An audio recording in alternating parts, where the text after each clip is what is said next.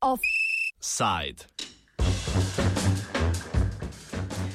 Turško veleposlaništvo in teroristična propaganda v Mariboru.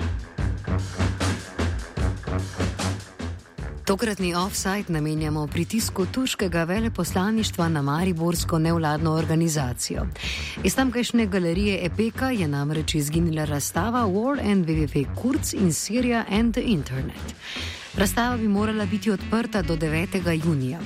Od direktorja Štefana Simončiča pa smo izvedeli, da so razstavo umaknili na priporočilo veleposlaništva Turčije. Ta ga je namreč obvestila, da so na razstavi podobe prepovedanih terorističnih organizacij ter da krši evropsko zakonodajo. Še huje, da ima v galeriji razstavo teroristov. Galerija EPK je mednarodna nevladna organizacija z več izpostavami, med drugim tudi v Turčiji. Simončič je razstavo umaknil umaknil, saj naj bi mu v nasprotnem primeru pripovedali vstop v Turčijo. Tako se pojavi kar nekaj zaskrbljujočih vprašanj. Najprej prisluhnimo Simončičevi izjavi o poteku sestanka na turškem veleposlaništvu. Poročili so nam z turške ambasade, ker sem bil na razgovoru, da uh, smo naredili razstavo teroristov, da so dve frakciji izmed 60 uh, kurdskih frakcij v Siriji uh, teroristi in da smo imeli razstavo pravzaprav teroristične uh, propagande, uh, da pravzaprav so ti dvojni, uh, dve frakciji teroristov uh, tudi na mednarodnem, uh, nekem veste, na mednarodni listi teroristov, tudi strani Evropske unije in Amerike in zato smo se nekako odločili zaradi dobrih odnosov z uh, turškimi prostovoljci, ki jih tudi go, eh, gostimo, da prekinemo predčasno razstavo. Uh, res pa je, da sami nismo. Tako dobri poznavalci, da bi vedeli, ali je to res ali ne, in smo preprosto zaupali eh, turški ambasadi, da eh, kršimo pravzaprav eh, pravila Evropske unije oziroma eh, da delamo razstavo teroristov. Glede na to, da ima EPK med drugim hčerinsko organizacijo tudi v Turčiji, nas je zanimalo, ali so bile omenjene tudi kakšne sankcije. Eh, direktno ne, eh, je pa res, da čim kršiš eh, zakonodajo Evropske unije in tudi Turčije, ki sicer ni v Evropski uniji, ampak PK ima veliko projektov, predvsem evropskih Erasmus Plus v Turčiji, da bi se lahko zgodilo kasneje, da ne bi mogel. Jaz osebno vstopiti v Turčijo in zato smo tudi uh, želeli obdržati dobre odnose in smo verjeli in zaupali turški ambasadi in odreagirali tako, kot pravzaprav so želeli. Da razstava krši zakonodajo EU, je Simončič torej verjel na besedo.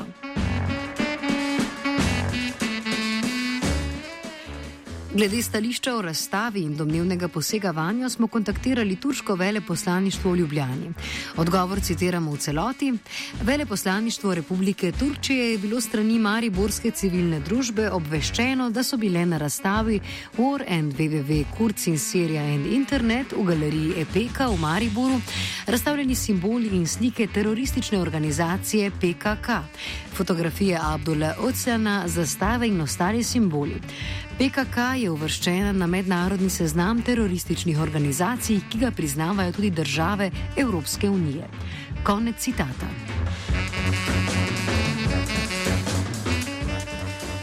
Turško veleposlaništvo ni niti zanikalo, niti potrdilo upletenosti.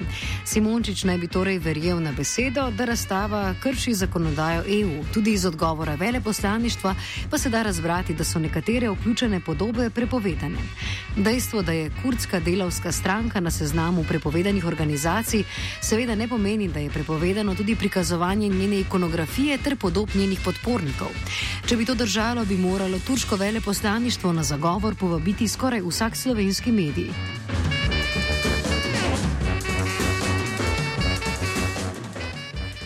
Kaj pa je pravzaprav bila vsebina razstave? O tem smo se pogovarjali z Janom Babnikom, ki jo je ustvaril skupaj z Izo Pevec ter Urošom Abramom. Gre za, za razstavo z naslovom Vojna in VVV, Kurdi v Siriji in spletna omrežja.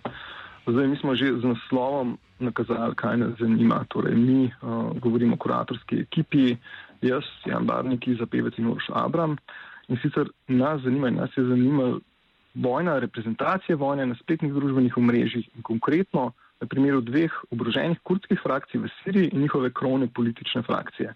Gre pa v bistvu za JPG in JPJ, pisano z Y, ki sta v bistvu obroženi frakciji, to sta ljudske zaščitne enote in ženske zaščitne enote krovna um, politična je pa stanka Demokratske zveze v Siriji. Ne. Skratka, to nas je zanimalo, kako te frakcije, ki so pete trenutno v vojno v Siriji, kako reprezentirajo vojno prek družbenih omrežij. To je to. Skratka, šlo je za razstavo o dokumentarizmu, propagandi, resničnosti v času spletnih družbenih omrežij in še enkrat povedano, vzeli smo primer trenutno aktualno dogajanje, ki je vojna v Siriji. Razstava je torej študija primera, kako se nek novodobni konflikt predstavlja na družabnih omrežjih. Iskalnik ključ se je vrtel okoli JPG in JPD, torej dveh nedvomno najzmernejših sil znotraj sirskega konflikta. Implikacija, da je med medijsko in predvsem galerijsko raziskavo in teroristično propagando neka povezava, je nedvomno absurdna, govori Babnik. Jasno, da je absurd. Zakaj? Zato, ker v bistvu ne gre za razstavo, ki bi propagirala um, terorizem, naprimer, ne, ali bi propagirala uh, članstvo v terorističnih skupinah, ki so vem, prepovedane, trenutno prepovedane v Evropski uniji. Ne. Sploh ne gre za to, gre za pač to, kar sem že povedal. Ne.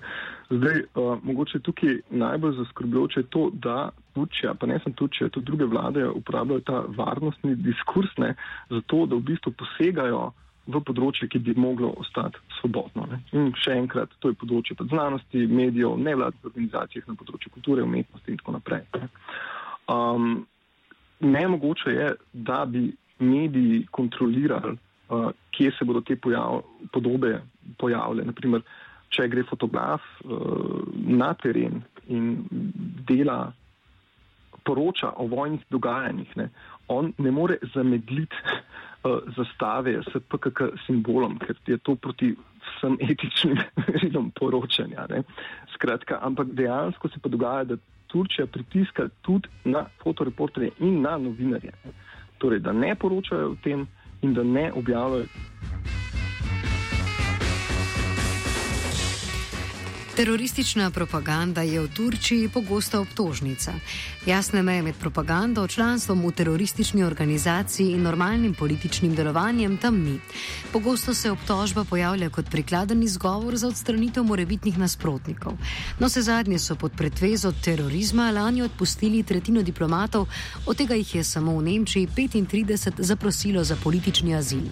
Po poročanju Stockholm Center for Freedom je turški diplomatski zbor v schizofrenem polnem rasulu, saj so odstavljeni kadri, ki so jih na hitro dopolnili, počedali večjim pritiskom. Organizacija poroča, da je iz diplomatskih krogov slišati, da je nekoč zgledna turška diplomacija v mrzličnem iskanju notranjih in predvsem zunanih sovražnikov. Diplomati so tako pod pritiskom iskanja terorističnih elementov, zaznati pa je tudi povečan pritisk v notranje zadeve posameznih držav.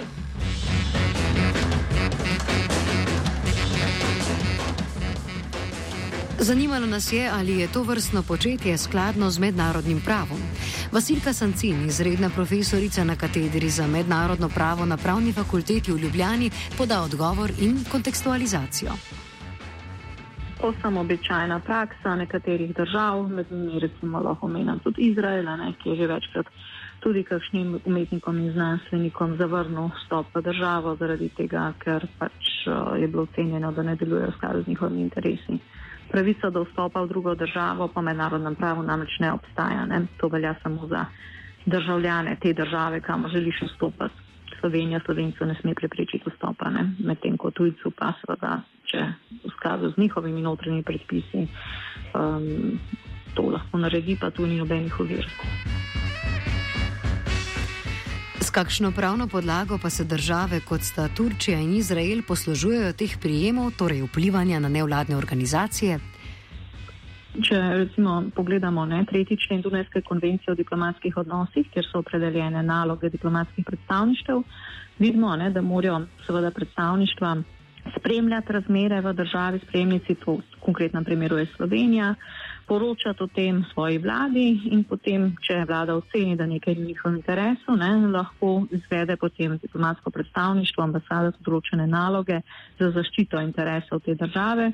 In glede na to, da je stranka PKK na eh, seznamu terorističnih organizacij, tudi Evropske unije, ne seznamo, ki ga prijema, prijema Evropski svet, potem tukaj ni dvoma, da pač lahko kot ta zga oceni, potem pa je seveda ne more pa izvrševati jurisdikcije, ne, tu je država na ozemlju države spremnice, to pa drugo vprašanje. In zato je tukaj relevanten no, podatek iz tega dalja, ne, da je šlo za prostovolen umik te razstave. Ne. Ker jurisdikcijo lahko izvaja država samo na svojem ozemlju in na svojimi državljani. Ne. Zato tudi ta mm, grožnja z sankcijo, se pravi prepoved vstopa, ker to lahko počnejo na svojem ozemlju. Takšno delovanje je običajno, saj ga prakticira tudi Izrael. Seveda pa dejstvo, da je v diplomatskih krogih nekaj nenormalnega oziroma da je normalno, se popravljamo, še ne pomeni, da je to tudi sprejemljivo. Če ni zakonskega okvira, ki bi preprečeval to vrstne posege, potem je na angažirani javnosti, da to vrstne ekscese spremlja in jih polemizira. Eno je, da vele poslaništva lahko takšne posege izvajajo, nekaj popolnoma drugega pa, da to počnejo neproblematizirano.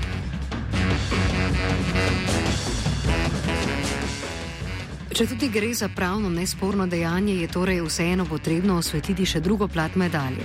Zakaj je na slovenskih tleh sporno objaviti tako razstavo? Oziroma na koga se prevesi odgovornost, če pravniki pritiskov na nevladne organizacije ne morejo preprosto obsoditi? Za odgovor na ti dve vprašanji smo se obrnili na evropskega poslanca Iva Vajgla, nekdanjega člana delegacije EP Turčija. Seveda je bolj stvar organizatorja kot uh, tega, ki pritiska, kakšen je rezultat takšne intervencije. Uh, mi tudi v Evropskem parlamentu doživljamo, da se kakšno veleposlaništvo oglasi, uh, kadar je nek dogodek, ki njim ne ustreza, ali pa kakšna razstava, recimo, ki razkriva nek problem z drugačne plati, kot je uradna. Ne?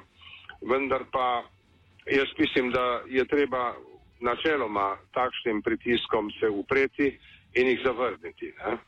Enačiti kurde z teroristično organizacijo, ki je uh, eventualno uh, deluje v okviru, v okviru kurskega naroda, kurske entitete, je nespremljivo. Skratka, jaz mislim, da tudi v tem primeru ne, nisem prepričan, da je bilo treba popustiti ambasadi uh, Turčije. Njena dožnost je bila, da, da protestira, dožnost organizatorja pa je bi bila, da se temeljito pozanima, o čem je spornost takšne razstave, preden so jo umaknili. In če smo že pri terorističnih razstavah, v Dizeldorfu je na ogled razstava Terror Kompleks, ki raziskuje medijsko prezentacijo islamske države. Ali je turška diplomacija protestirala tudi tam, nismo uspeli ugotoviti.